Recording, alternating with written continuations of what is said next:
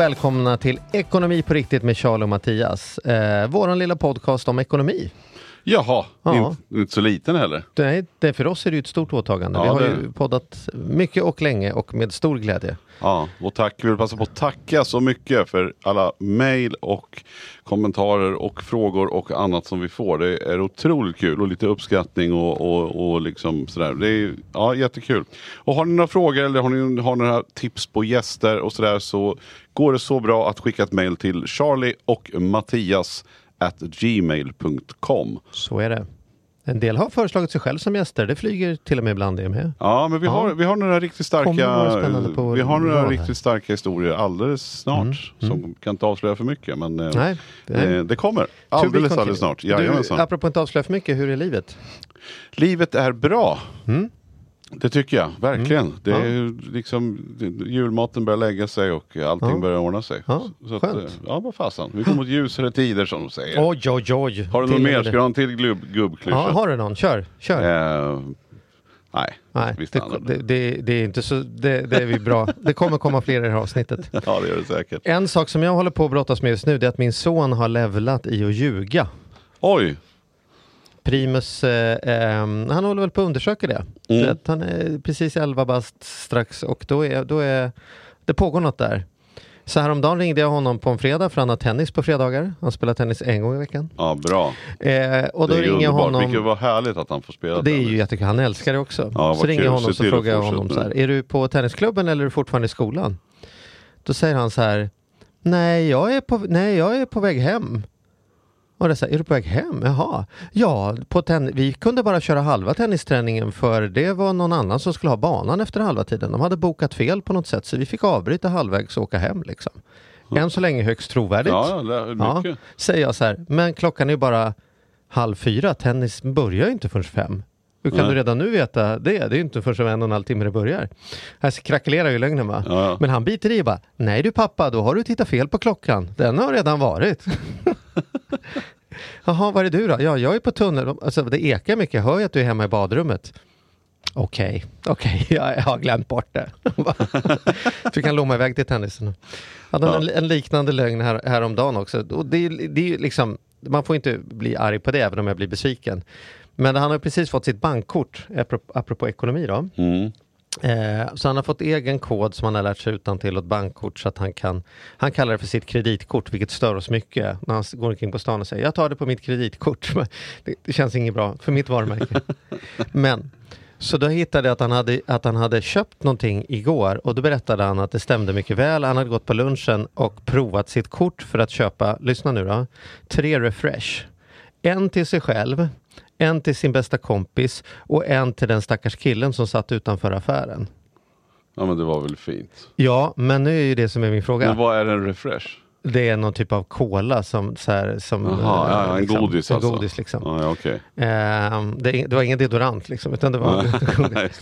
Men min fråga nu är ju, köpte han en till, till eh, den killen som satt utanför butiken och en till sin kompis, eller köpte han tre, käkade upp dem och sen fortsätter öva sig på att ljuga trovärdigt för att liksom, ja men du förstår. Ja, Och vi kan ju inte fråga honom, fråga honom så här, var det verkligen sant det där? Klart han kommer säga ja. Ja. Det visar ju tennishistorien att han biter ju i tills det tills han blir Men vi synad. körde, jag kommer ihåg att vi, vi var rätt tydliga med att vi ljuger inte. Man får alltid säga som det är, men att hemma hos oss så ljuger man aldrig. Liksom. Eh, Så vi pratade mycket om det. Vi pratade om lögner Ja. och vad det konsekvenser och, Ja, och sådär. Och även om jag förstår att ni också har gjort det, men nu när det börjar hända så tror jag det är jätteviktigt att poängtera någonstans att, att ljuga är inte okej. nej, precis. Man, man måste kunna få säga sanningen och att man, man får inte skäll för det. Det viktiga är att man är ärlig. Precis. Det låter lite så här, men ja, vi, Jo, det funkade för oss. Mm. Vi, vi Ja. matade in det och det behöver man inte göra precis som man hade kommit på han heller. Så att man Nej, det är liksom, bra. känns det det är som bra. att man drar ner brallorna. Utan man kan Nej, prata om det bara helt Mm. apropå. Mm. Precis. Och så får man köra den här. Nu får du en gubbing. Är du beredd på en gubbing då? Ja, ja, precis. Det är inte det att jag är arg. Jag är mest besviken. Ja. Nåväl, Nåväl. apropå att aldrig ljuga har vi med oss en av våra favoritgäster. En Som, av favoritlögnerna tror jag du skulle säga. ja, en, ska vi dra en av våra favoritlögner som är att vi tycker om den gästen vi har med oss idag. Ja, just det. Nämligen Skånes svar på Donald Trump. Eh, Jan Bolmesson!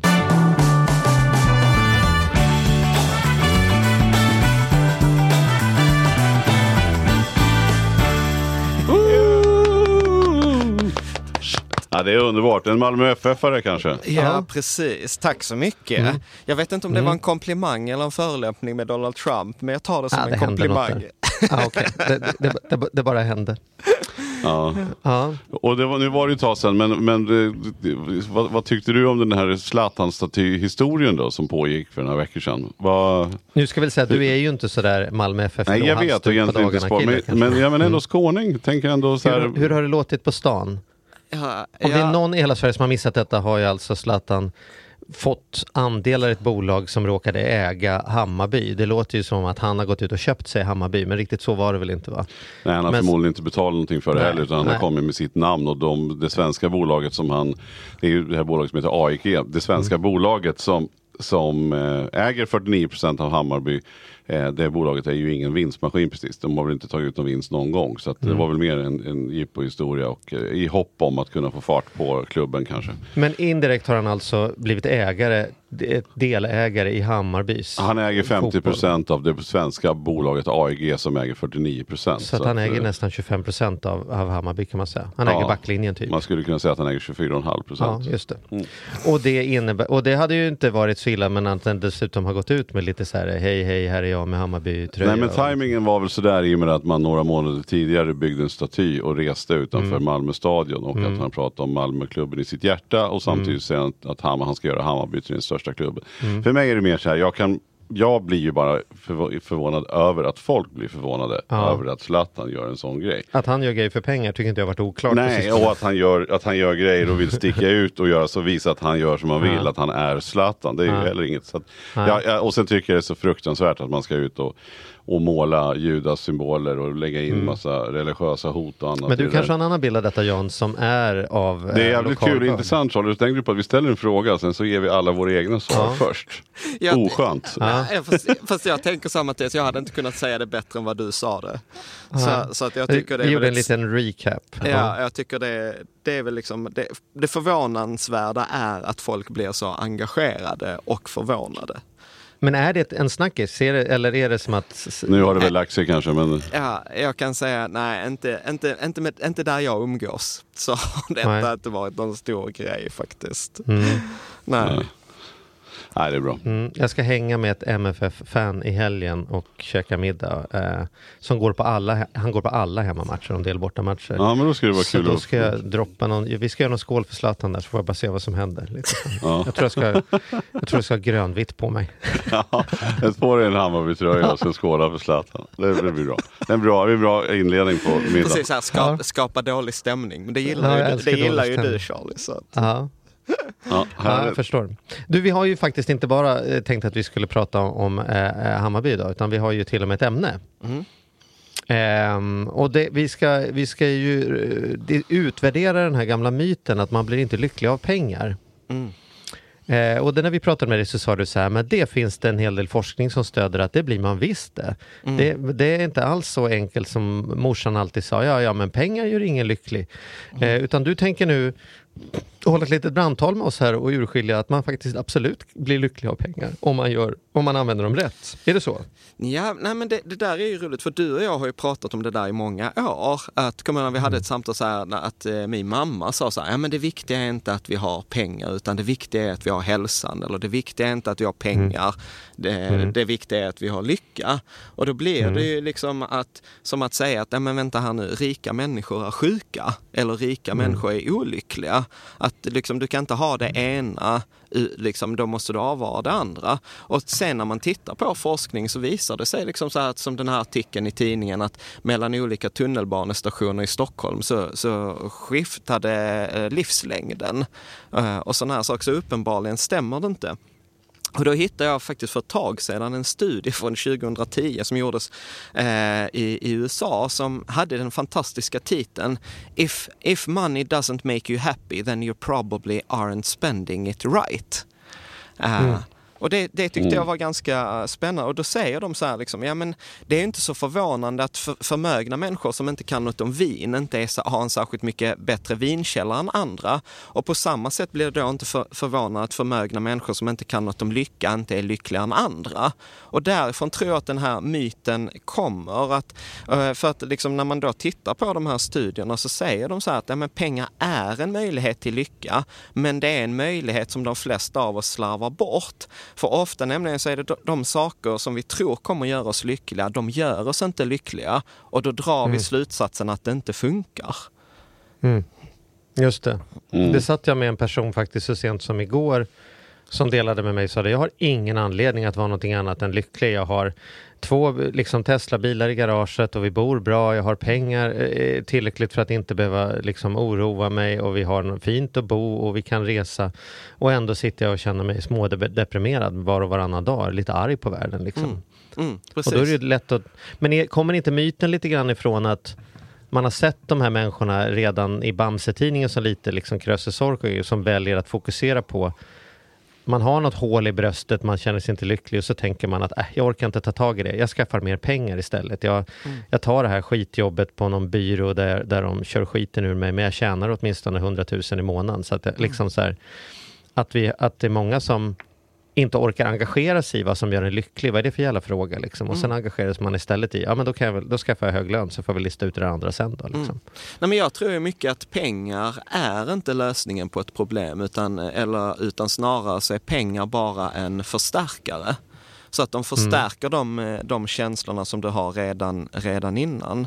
Uh, mm. och, och, då tyck, och, då tyckte jag det var så himla fascinerande för den här studien gick igenom alltså typ så åtta framgångsfaktorer. Som här, okej, okay, så vad är det man ska göra med sina, sina pengar istället?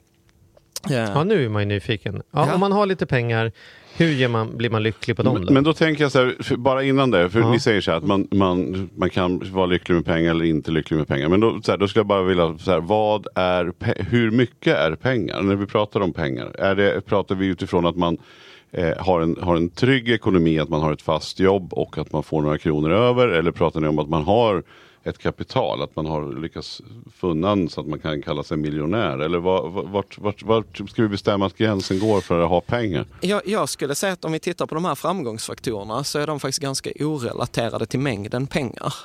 Mm. Uh, och sen så finns det ju mycket myter om sådana här studier som ofta brukar dyka upp i tidningar. Så här, ja men du blir bara lycklig av pengar till en viss nivå. Men det där vet ju du också Charlie som har jobbat som analytiker, att allt beror på hur du ställer frågan. Ställer man mm. frågan så här, hur lycklig är du idag? Ja då är det liksom, då planar det ut någonstans vid 30 000, 30-40 000 i månaden. Men ställer du liksom frågan så här, hur nöjd är du med ditt liv som helhet? Ja då är det liksom korrelation att ju mer pengar du har desto mer nöjd är du med ditt liv. Så då finns det liksom ingen begränsning i summa. Men om man tittar på aktionerna, alltså det man kan göra och hur man kan tänka kring de här framgångsfaktorerna, då spelar summan ingen roll påstår jag. För att det handlar mycket om hur vi är som människor. Faktiskt. Mm. Så, du, så du säger att oavsett, om vi utgår ifrån att man har löst några av de där grundläggande Maslows-behoven, att man inte är orolig för att man inte ska någonstans att bo, man, man gick och la sig mätt, eh, liksom, eh, man har inte frusit i natt. Om, om man är förbi det, då är nästa nivå, oavsett hur mycket mer pengar och så man har, ja. så kan man dra nytta av de här åtta faktorerna för att liksom, överföra pengarna till de faktiskt ja, det. Jag vill bara, precis, det är det jag menar, så att man ska ändå känna, vad, är man inkluderad i ämnet eller inte? Liksom. Ja. Men då, då, då, får man för, precis, då har vi, satt, då har vi lagt ribban så att säga, ja. vad som är, ja, men så man har pengar. Precis, man är inte hungrig, man har någonstans att bo och man har liksom ett normalt liv. Eh, absolut, mm. det, det, skulle jag säga. Eh, så den första, vill ni höra? Ja. Mm. Här kan vi lägga på en sån här trumvirvel, så här, brr, nummer ett. Ja, precis. Nej, men då är den första att de säger så här väldigt tydligt, köp upplevelser istället för saker att eh, vi blir mycket, mycket lyckligare av upplevelser för att eh, en av materiella saker, för exempel en materiell sak blir vi ofta bara glada när vi använder den. Medan en upplevelse blir vi glada både när vi tänker på det i förväg, när vi upplever det och i efterhand när vi minns tillbaka. Och det handlar mm. också mycket om det här att man kan till och med se på lycka som att lycka är minnen man skapar tillsammans med andra. Eh, mm. Och där var ju en, eh, jag, detta, jag har inte hittat denna studien, så detta är bara så rykten jag har hört. Så att hugg mig inte här om denna studien inte finns. Men det sägs att BMW har gjort en studie där de tittade på hur länge är man sådär lycklig och nöjd med att man har köpt en ny bil. Ni vet den där nybilskänslan, det luktar gott, man är stolt över den. Hur lång tid tror mm. ni att man är lycklig för en ny bil? Ja, två veckor skulle jag säga det i mitt fall, men jag är ganska prylointresserad också. En månad kanske? Ja, men det var så här, två till fyra veckor. ja. Ja. Uh, och, och tricket vad det handlade om är ju att det handlar ju om anpassning. Eh, att vi mm. anpassar oss och liksom när vi har kört den där bilen i tre veckor, ja men då känner vi till det är precis så som det är. Och hjärnan är väldigt duktig på att anpassa sig till eh, hur saker och ting är. Så vad de kom fram... Men det där upplever jag... Ja, kör. Nej. Eh, så vad de kom fram till också är att det som hade då, som en sån här, om man ville ha sån här bonus på den här upplevelsen, var det dessutom så här, hur närvarande är du när du upp, har den här upplevelsen? Är du på konsert och tänker på att du ska lämna in en, en rapport på måndag? Eller är du på konserten och liksom dansar för att du är där närvarande? Och det är lite det här mindfulness-grejen, att kan du dessutom vara närvarande i upplevelsen så får du sån dubbel, dubbelkick. Eh, liksom. Mm. Men det där kan jag uppleva, det där du pratar om den här BMW-effekten då. Mm. Att det är som med upplevelser också. Jag kommer ihåg att jag en gång i min uppväxt, alltså ganska sent i så här högstadiet någon gång, eh, åkte taxi med min farfar. Mm. Vilken, alltså det, det luktade lädersäten i bilen och det var en taxameter där inne. Och det var, då hade de så här plastkuper kring chauffören, kommer du ihåg dem? Mm, så här? Oh ja. ja. Och sen så bara liksom stannade man där och betalade och gick ur liksom, och så var man skjutsad. Så här, det var en taxiupplevelse. Jag tänkte så här, fan det här är, det här är livet det. Tänk om man, mm. tänk om, undrar när jag får åka taxi nästa gång. Ja, spola fram till liksom tv, föreläsningar, för runt i livet och sen så helt plötsligt i taxi Eftersom jag har varit på massa andra orter än där jag själv bor. Liksom. Det, det vettigaste sättet att ta sig runt och är liksom noll lyxkänsla. Hotell är ju samma sak. Från mm. att vara ett liksom drömmen att få sova i en hotellsäng, hotellfrukost till att jag skiter i hotellfrukosten och jag, jag liksom tänder knappt lampan i rummet för att det blir vardag. Det blir liksom mm. ens jobb på något sätt. Och för vissa är ju fortfarande där. Och jag kan, jag kan vara lite rädd för det där att, att ha för bra upplevelser för att jag tänker att vad ska jag ha kvar sen då? Mm. Jag har till exempel inte vågat flyga, nu, nu förstår jag att detta är lyxproblemens lyxproblem, men jag har inte vågat flyga business class eller när, när jag ska flyga. Även om jag skulle kunna tänka den här långa flighten, äh, jag lägger de här extra tusenlapparna, jag har den ekonomin. Men då tänker jag så här, då kommer jag vänja mig med det. Då kommer jag aldrig kunna göra någonting annat sen. Då är jag hooked på det. Då blir det min nya standard. Då kommer jag må dåligt varje gång jag klämmer in mig bak. Liksom. Det... känner, känner ni igen den här liksom rädslan för BMW-effekten? Att... Absolut. Alltså det roliga är, nu är du faktiskt inne på den tredje framgångsfaktorn som de pratar om. Nej, men mm. De säger att boven i dramat är just vår, vår förmåga att anpassa oss, både till det som är bra och det som är dåligt.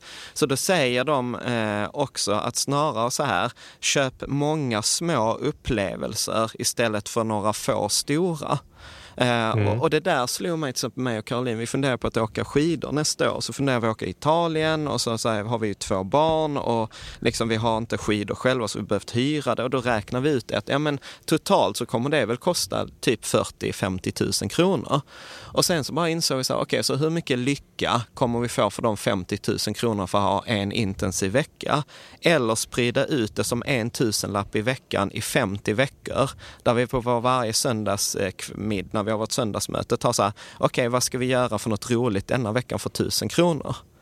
Med att det, mm, för att superintressant. Det är, ja, för det är mycket svårare att anpassa sig till de där 50 grejerna än att anpassa sig till en, en skidresa som är intensiv sju dagar och sen är den över. Mm. Och säger du också, kan man dra slutsatsen att man gärna ska göra använda sina pengar till olika saker. Ja, ja precis. De säger... Som att jag inte köper restaurang och så köper jag ny restaurangbesök, så köper restaurangbesök utan att blanda ja, ja, liksom, lite alltså... restaurangupplevelse med lite busiga huset-upplevelse med lite konstig bioupplevelse. Exakt, liksom. exakt. Det de säger är så här att de utgår från så här, hur ny är upple upplevelsen förut? Alltså har jag varit med om detta innan, ja eller nej? Mm. Eh, är det mm. ett överraskningsmoment? Var jag medveten om att detta skulle hända? Det är därför vi minns till exempel man har varit ute och så kom det dit någon man inte mm. förväntade sig mm. eller så hände det något galet. Det är, det är mm. de vi minns för att det var en överraskningsmoment.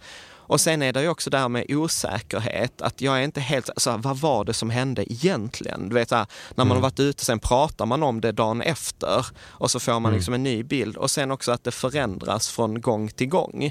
Alltså att gå på liksom trestjärniga Michelin-restauranger, det är same same efter ett tag. Man blir ju inte särskilt överraskad, det är inte särskilt föränderligt. Eh, och detta apropå det du pratade med, med barn innan.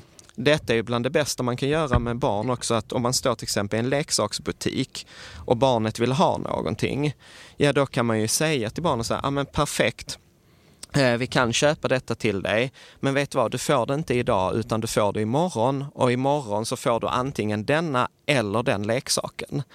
För då skapar man ju liksom en osäkerhet. Vilken av de här två grejerna kommer det bli? Det blir dessutom något att se fram emot i då 24 timmar. Så då maximerar man den här osäkerheten, vilket gör det svårare för barnet att anpassa sig till vad det kommer bli. Och det ger oss en, eh, en eh, högre upplevelse av lycka, enligt forskningen. Det ska jag prova när vi åker på AV sen Mattias, när du säger hämta en öl till mig. Så säger jag, vet du vad? Jag hämtar en öl eller en Jäger och du får den imorgon och du vet inte vad det blir. Se om du blir glad där borta. Ja, då blir jag glad. Eller, Ja, för, eller förbannad. Ja, spännande. Ja, Okej. Nej men det är väldigt intressant. Eh, verkligen. Ja. Känner du igen detta från ditt liv Mattias? Håller du med om slutsatserna här? Att liksom blanda och ge är bättre än upprepning? Absolut, jag, det Ja. är precis min grej. Jag är ju till, till väl den, jag vet inte hur det är med er, men jag är en av dem som inte har åkt till Thailand i tre veckor med familjen och bränt av eh, en massa pengar och gjort samma sak. Liksom. Jag känner mig allergisk mot den, den typen av resa. Eh, sen vet jag att de många som kommer hem efter att ha legat på stranden i tre veckor och tycker att det var fantastiskt och inte sen gör någonting annat på de resterande 48 veckorna. Eller 49 veckorna. Så att, eh, men det är ju lite grann hur man är då. Men, men jag håller helt med om det. Vi gör många korta saker istället. Weekendresor eller vad det nu kan vara. Sen gäller det att ha koll på ekonomin för de kan ju dra iväg väldigt mycket de också. Så att det gäller också att sätta ett, ett mål med det där. Men jag, jag skriver under absolut på det. Och framförallt så skriver jag under på de här roliga att göra det oväntade. Det man inte hade tänkt sig göra. Det är lite knasiga, det är lite tokiga som innehåller både spänning och överraskningsmoment. Och vad hände där egentligen? Och sen det här eftersnacket. För det är ju på de grejerna som man som man går och lurar på de här grejerna efteråt. Och Liksom, shit, vad var det som hände? Vad kul, eh, vad roligt det, blev. Eller så blev det inte det, men då kan man prata om det också. Så jag, jag håller helt med. Jag tror att det handlar om att, jag, jag, att vara i, illojal med sina lyckoupplevelser på något sätt. Va? Man träffar ju människor som har sagt, jag läste en bok som jag tyckte var så fantastisk, så nu är jag liksom hooked på och ska läsa alla böcker av den författaren.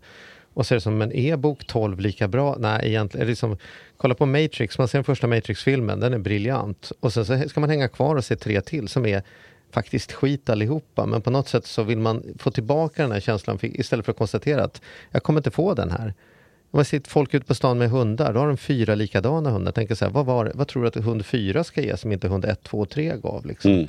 Skaffa då en katt eller vad vet jag, en cykel istället. Som, Mm. ja, men, ja, vi har en tendens så, jag vet min lilla syster när vi var små, hon ville alltid när vi skulle gå och hyra film, hyra samma film som hon hyrde förra gången. För den, det var jättekul. Mm, det var den, jätte- vet, den var bra. Ja. Så Nej, det- men lite I det så- lilla och det stora liksom. Ja, och också tror jag att våga, våga stå upp för om man inte kanske tycker att allt, bara för att alla andra tycker att någonting är så kul så måste man ju inte tycka så själv. Och jag tror också att man blir, lätt blir så påverkad. Jag, jag är ju en av dem, precis som jag träffar min like, det är en av de saker som vi har liksom känt väldigt li, varit lika i Charlie har ju varit det här att vi någonstans för några år sedan konstaterade så här, vi tycker egentligen inte om att resa. Nej. Och säga det till folk, att säga, jag gillar inte att resa, då, då tittar ju folk på en som att man är från en annan planet. Jag hör att de tänker, är du helt slut i huvudet? Har de lust att säga. Du har ju inte varit med, du fattar inte, då har du inte rest tillräckligt mycket. Eh, och vad det nu kan vara, alla de här argumenten. Men nu känner jag mig helt trygg i det, för jag tycker inte om att resa. Och det, det, nu är jag lugn med det. Och då får jag ju, och ju mer lugn jag är i det och, och, och säger det så, så, ja en del, ibland får jag de där blickarna, men ibland får jag ändå så här, någon som lägger ögonbrynet lite på sned och tänker efter. Att fan, ja vi kanske inte... Och det handlar inte om bara om ekonomi, det handlar om massa faktorer som, som, som gör att, att jag kan göra någonting annat än att resa till en strand någonstans. Ja, Det var spännande. Alltså Char- Charlie, du har ju skrivit en krönika för många år sedan som handlar om så här, tänk om du inte eh, behöver ha ett liv som du behöver ta semester från. Att det handlar om att göra de där 49 veckorna till fantastiska istället för de tre du är borta. Det, det är ju betydligt liksom bättre. Ska vi ta, Bättre hävstång. ska vi ta nästa framgångsfaktor? Ja, vi kör en sån här trumvirvel igen. Ja, Vilken är vi på nu? Nummer... Två, för vi fick hoppa Nummer- till trean. Okej. Nummer två. Nej, men det handlar om att hjälpa andra istället för att hjälpa dig själv. Eh, och detta är ju så här klassiker, du vet man träffar någon som är lite deppig eller något sånt och så säger man så här, men, ja, men gå ut och köp dig något fint. Eh, vad man borde säga istället är så här, vet du vad, bjud mig på lunch.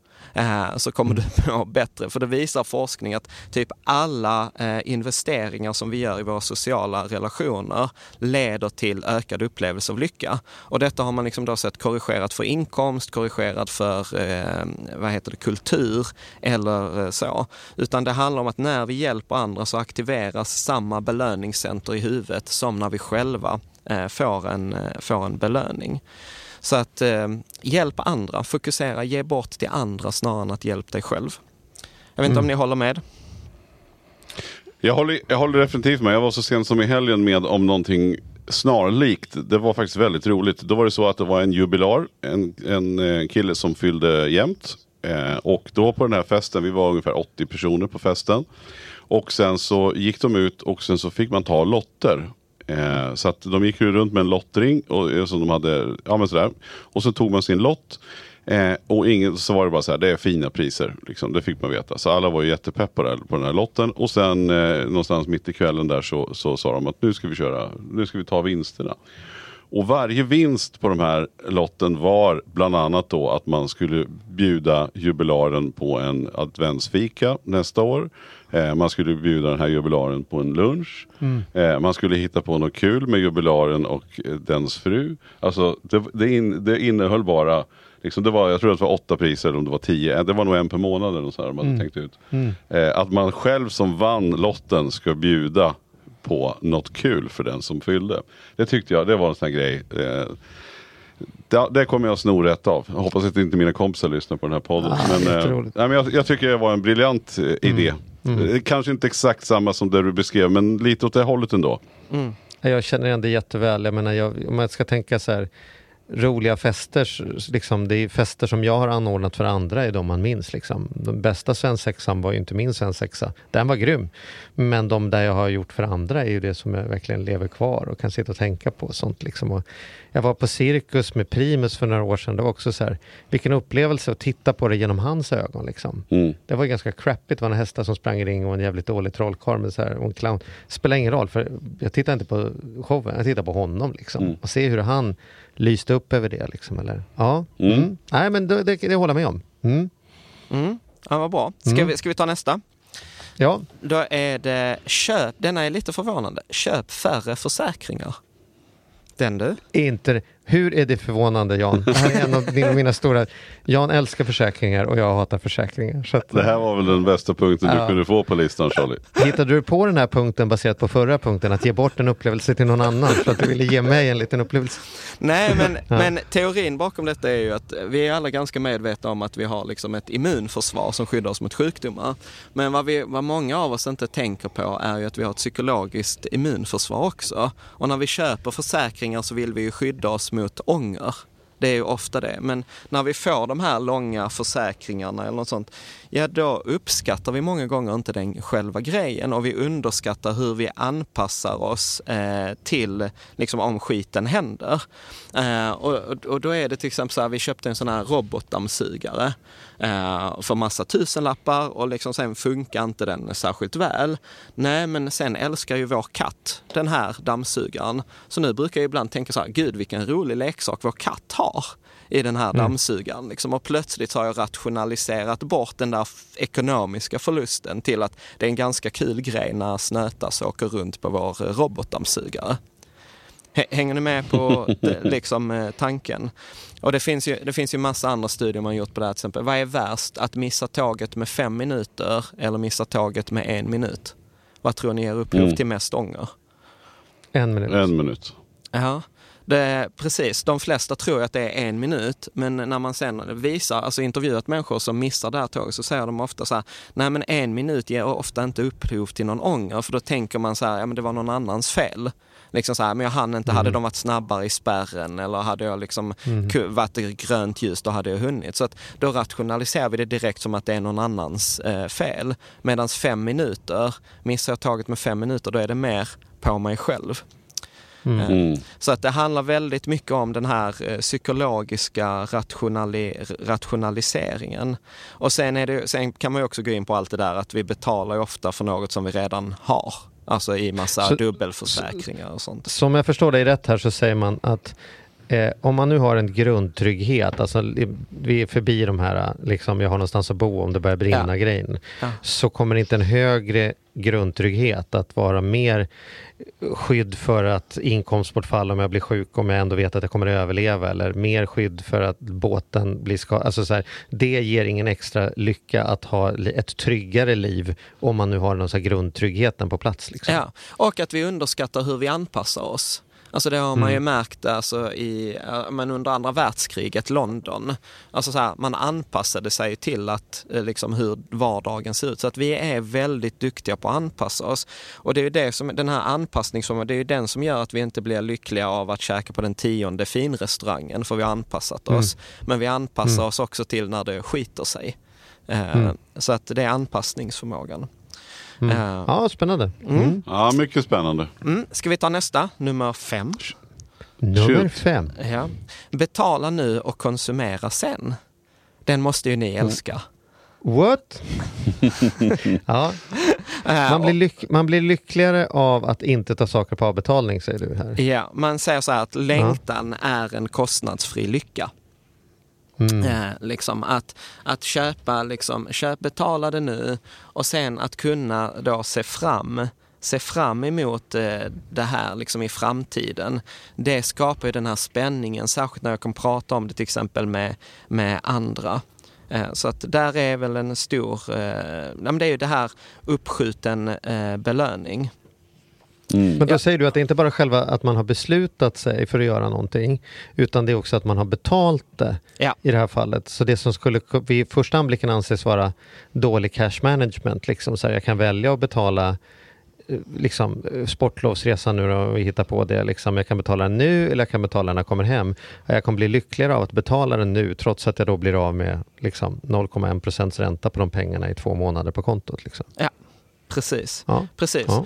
Så, att det, Mhm. det, ju- så att det där var ju den andra faktorn, det där med osäkert med barnet när man står i leksaksbutiken. Att liksom så här, köp Mm. inte det nu, att det blir det eller det, utan skjut upp det Mm. en, två dagar så att den kan få komma. Mm. Den här längtan, den här fantasi, eh, fantasigrejen. Det kör Andrea med mat. Hon sa till mig förra veckan på måndagen, åh den här veckan ska jag göra chokladbollar. Men inte ikväll. Jag håller mig till imorgon. Mm. Och sen höll hon på sig hela veckan, så vart inga chokladbollar. Men hon var lycklig hela veckan på Ja. de chokladbollarna hon i huvudet tänkte att hon skulle göra imorgon. Liksom. Ja, Ja, men det är bra. ja. Ja. Nej, och sen, sen Kanske vi, därför nöthandeln är så populär. ja, ja. Kan det vara det? Att det kan vara att man, man får betala och så går man och väntar och väntar och väntar.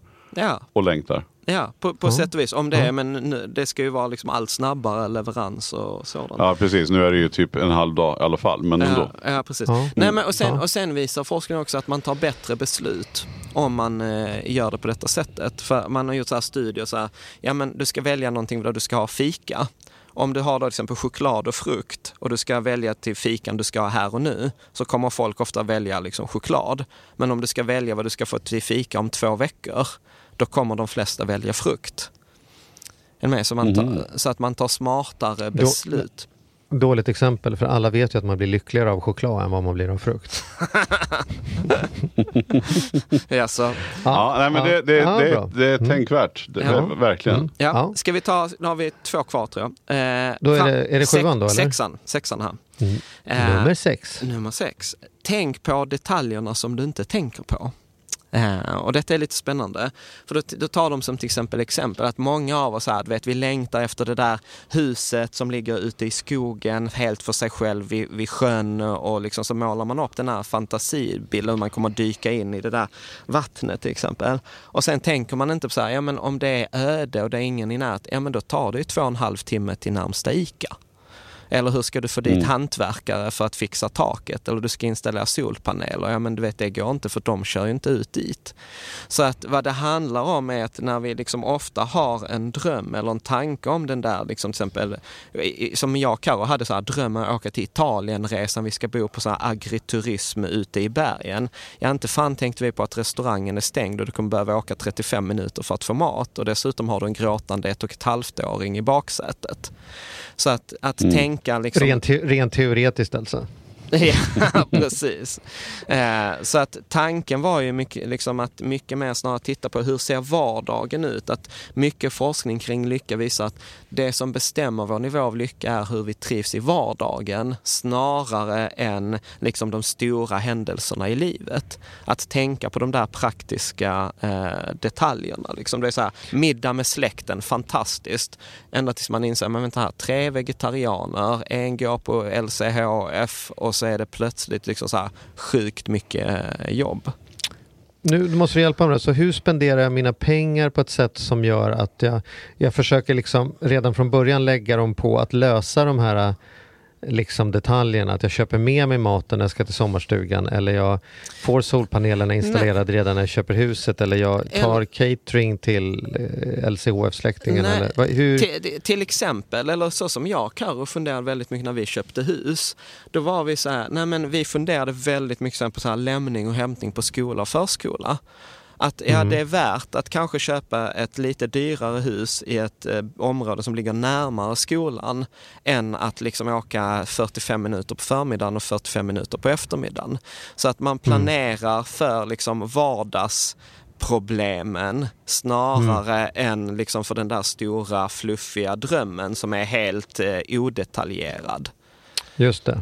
Det var, Just det. var precis som vi gjorde när vi skaffade vårt landställe eh, för ett gäng antal år sedan. Då var det någon klok person till mig som sa att att, för vi tittade på så här, ja men vart ska vi ha, det, drömmen vore väl att ha ett, ett, fritidshus eller en sån här extra, vad man nu ska kalla det för, fritidsboende i ja, men Österlen. Det är ju fantastiskt där. Eller Gotland, det är, ju, det är ju lite coolt. Eller varför inte en lägenhet utomlands någonstans. Och det där var ju, men då var det någon som sa, skaffa ett hus som ligger väldigt nära där ni bor. Lagom långt så att ni ändå känner att ni åker iväg. Men ändå att ni kommer kunna åka dit. Det kommer vara aktiviteter, det kommer vara saker. Och det, där tänkte vi till, bara tack vare det, det rådet egentligen. Och sen var det det bästa vi har gjort någonstans. Därför att man, vi är där, vi tar oss dit, det funkar. Liksom. Och då behöver inte det vara dyrare utan man tänker så här, de pengarna som det, eller så här, ni får inte någon 28 grader varmt och poolen men ni får, eh, ni kan åka dit och bestämma på fredag morgon, vi åker ut ikväll och Mm. sen är det klart. Och likadant med huset som du säger, kan man välja bort att ha gästrum och matsal då och istället flytta huset fem kilometer närmare skolan för de pengarna så kommer man ha någonting som genererar mer lycka än de två gångerna per år då man har gäster som ska bo där i gästrummet liksom, som Exakt. annars bara är fullt med kartonger. Liksom. Exakt. Mm. Nej men att fundera, till exempel jag älskar ju den här frågan, hur ser din perfekta vecka ut? Mm. Att verkligen tänka på vardagen snarare än att planera för den där resan. Att du kommer Mm. bli lyckligare av att ha en, ha en fin vardag än ha en extraordinär semester. Mm. Eh, liksom. Bra, Så. helt sant. Mm. Bra. Mm. Mycket bra. Det är därför jag är så stolt över att jag inte köpt någon bil längre utan bara har så här hyr och fixar grejer. Så här. Det är perfekt. Du. slipper allt sånt där. Mm. Däck, eh, parkering, eh, liksom. Fan. Mm. Behöva förnedras och åka till någon verkstad med någon kardanaxel som man inte ens förstår vad en spindelled är och grejer. Mm. Aj, så skönt att slippa det. Ja, Ska vi ta två? Nu var det två kvar, det var jag som räknade fel innan. ja okej, spännande. Mm. Mm. Så den eh, sjunde, så då var Nummer det så här, sju. Mm. Akta dig för jämförelseshopping.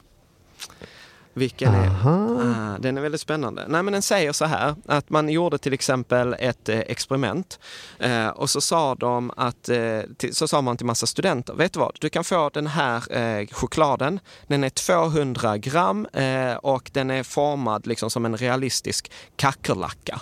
Nej, det är 20 kronors värt choklad. Det är bara det att den är formad som en kackerlacka. Väldigt oaptitligt. Eller så kan du få den här chokladhjärtat som är 50 gram eh, men som är liksom superfint men det är bara värt 5 kronor.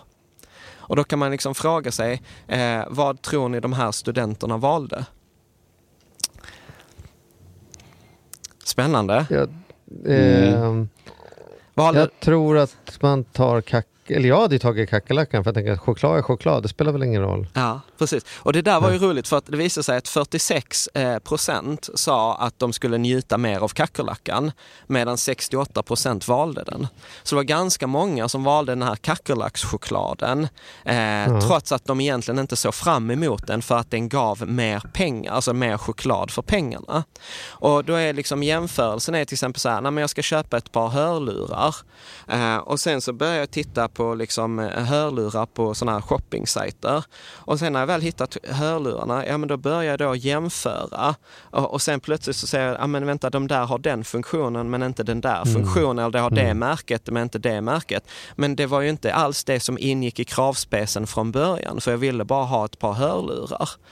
Så plötsligt genom att jag börjar jämföra shoppa på det här och jag börjar lägga in värde, vad får jag mest för pengarna? Så bortgår jag från det som egentligen var min önskan från början, att jag vill ha en fin upplevelse med choklad. Än med att vi börjar, opt- vi börjar optimera på faktorer som inte var viktiga för oss från början.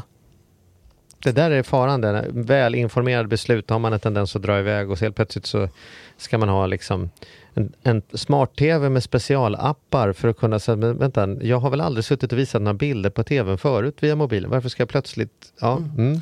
Ja, men, Ja, men vi- mm. du vet, vi gör det där grejer som boende också. Ni vet, först vill man ha ett boende ska se ut, men sen så upptäcker man att det, du vet, där är fem, sex hus och sen upplever man, ja men du vet det där huset har en pool också. Ja, poolen var inte med på kravsen. Plötsligt så betalar jag liksom ett antal hundratusen mer för det där huset som har pool.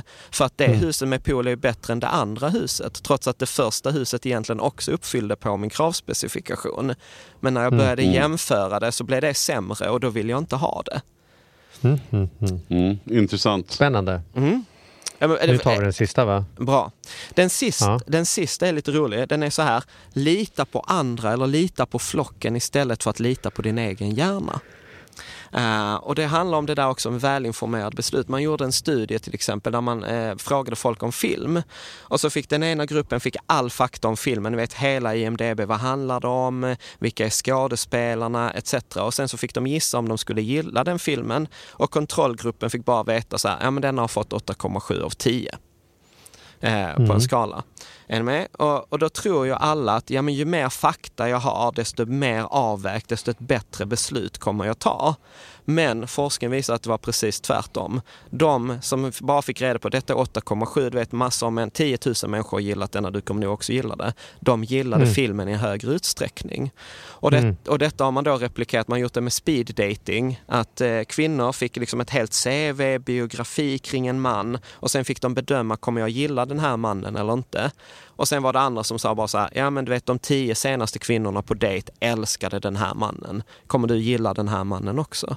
Och då visade det sig att ju mindre info, liksom, desto bättre under förutsättning liksom, att du har liksom, människor som har tyckt om detta innan. Och då var det så här att vi människor, vi är flockdjur, eh, liksom lita på andra. Många gånger så vet dina kompisar mer om vad du gillar än vad du vet om dig själv. Jag blir mest orolig om man har varit på dejter tio gånger och alla har älskat den. Varför behöver man gå på en elfte dejt? Då måste man ju vara styckmördare eller något. Ja, men det var ju en speed dating. Jag förstår. Ja. Ja, det där är vad intressant. Det här, det det här är jag. Det här är jag. Det här är jag jättebra på. Då? jag, är, nej, men jag, är en, jag är en tacka-ja-are. Ja. Du säger vi ska åka och göra det så här, men jag hänger på. Eller vi har, du vet, folk, när de, man hör ju om de är välinformerade beslutet, så de har redan, det här är kanon, den här, du vet, vi ser bara en julshow varje år, det är den här vi ser. Ja men, har du några biljetter till? Jag åker på liksom så här. Vi åker alltid till den här herrgården. Ja men då, då gör jag också det. Alltså jag, jag, är, jag har ingen illusion om att jag kan göra välinformerade köpbeslut bättre än, än andra människor, utan om människor jag har förtroende för respekt för, men fråga dig så här, vilken telefon ska man ha? Du ska ha den här. Ja, då går jag och köper den utan att hålla på och läsa på 16 kravspecen. Jag tänker så här, han har ju haft den. Han vet ju bättre än mig. Nej men då det är sunt och det är bra att man har den självinsikten. Samtidigt så vill man ju heller inte eh, dras med för mycket här. Alltså, man, man vill ju tro att man har en egen vilja. Det här är ju väldigt intressant om man börjar leka med den här tanken hur man själv är. Man vill ju, det, det mest skrämmande är ju som du avslutade med att säga där att man att många gånger så vet säkert kompisarna bättre vad man vill ha än vad man själv eh, alltid vet. Och det är intressant. Det är en ganska bra grej att ta med sig faktiskt. Precis, alltså det Alltså jag, jag motsäger mig inte den, men jag, tyck, jag vill ju tro att jag har en egen, eget smak och tyck och eh, grejer. Men ja, ja intressant. Ja. Ja. Nej, men det, det, är ju liksom, det kan ju sammanfattas så här att innan, vi, alltså så här, innan jag köper något som jag tror kommer göra mig lyckligt, titta hur lyckliga de som har det redan är. Alltså så att Mm. titta hu- hur det ser, hur det ser ut. Liksom. Mm. Ja, Mm. det var de åtta. Du, eh, avslutningsvis då Jan, vilken av de här tycker du själv är svårast som du får träna på? Liksom? Du, du har ju ändå fått se, se, du har ju ändå tagit till dig detta materialet. Vilken är, vilken är akilleshälen för dig? Ja, det är den här, köp färre försäkringar. Ja, jag visste det! ja. ja, det är inte din akilleshäl Nej, Charlie. Nej, det är fan inte min. Där är jag i Nej. mål. Och Vad kände du då Charlie? Vad var det som tog, träffade dig? Eh, eh, ja, vad, vilken var det nu då som jag tänker på att Oj. Eh, För mig är det ju solklart att jag fick bekräftelse på att just alltså man får fundera på om man ska åka en vecka rejält. Eller om man ska försöka dela upp det, alltså vardagstänket. Eh, det, det tycker jag är superintressant. För det är någonting som vi, vi försöker göra och vi upplever har funkat väldigt, väldigt bra. Mm. Mm. Jag tror att den som är min upplevelse är nog den här eh, kring att ha det praktiskt. Det där vi pratade om att, om att uh, tänka på det man inte tänker på. Mm. Jag tror att jag kan, jag är, är, värvar in mig själv i att även opraktiska saker kommer jag att lösa och det kommer vara kanon. Vi river ner väggarna här samtidigt som vi har småbarn hemma och det kommer bli skitcoolt. Och, det är så. Ja, det. Och sen är det folk som säger till mig så här, men du, hur kul kommer det vara i tre år och hålla på att bygga två företag samtidigt som du ska pendla? Liksom så här, jo, jo, men det blir kanon. Vet du. Det, if there's a will, there's a way. Mm. Liksom. Det är nog min utmaning. Att, eh, jag vill inte så gärna se dem där. Nej. Det som kommer bli vardagsjobbigt. Liksom. Jävligt intressant. Ja. Ja, Tänk att det alltid är så intressant att snacka med dig Jan. ja Tack. Det, var, det, var, det, var, det var bra idag. Ja, jag det blev var lite lyckligare. Ja, ja. Ja. Fan, jag känner mig på eh, jävligt bra Ja, humör nu. ja. Ja.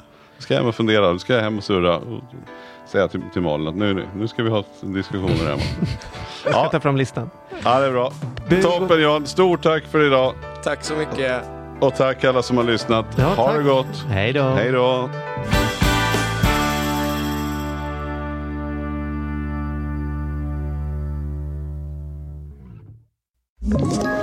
Ett poddtips från Podplay. I fallen jag aldrig glömmer djupdyker Hasse Aro i arbetet bakom några av Sveriges mest uppseendeväckande brottsutredningar. Går vi in med hemlig telefonavlyssning och, och då upplever vi att vi får en total förändring av hans beteende. Vad är det som händer nu? Vem är det som läcker? Och så säger han att jag är kriminell, jag har varit kriminell i hela mitt liv men att mörda ett barn, där går min gräns. Nya säsongen av Fallen jag aldrig glömmer på Podplay.